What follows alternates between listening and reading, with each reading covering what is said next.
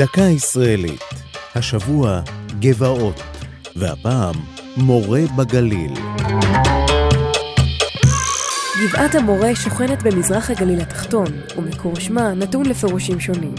מלבד הסברים על הוראת הדרך או על הדרכה רוחנית מפי כהנים מקומיים, יש המקשרים את שם הגבעה לגשם הראשון, היורה, או ללבה הנורית מלוא ההר געש. זאת כיוון שבאזור הייתה פעילות געשית, וחלק מהגבעה עשוי בזלת.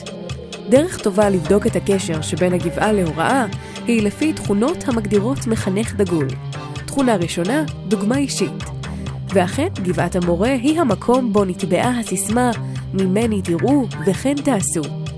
היה זה כאשר השופט התנ"כי גדעון הוביל את חייליו להתקפת פתע לילית על מחנה האויב המדייני לרגלי הגבעה, כמסופר בשופטים פרק ז'. תכונה נוספת, הקניית רוחב אופקים. למי שיעפיל עד ראש הגבעה, יתגלה אופק רחב מאוד, מהגליל עד הגלעד שממזרח לירדן. ותכונה שלישית של מורה טוב, מסירות לחניכים, אף היא מתקיימת כאן בדמות המוסד כפר ילדים, שקם לרגלי הגבעה ב-1922 וקלט יתומים מפרעות פטליורה באוקראינה.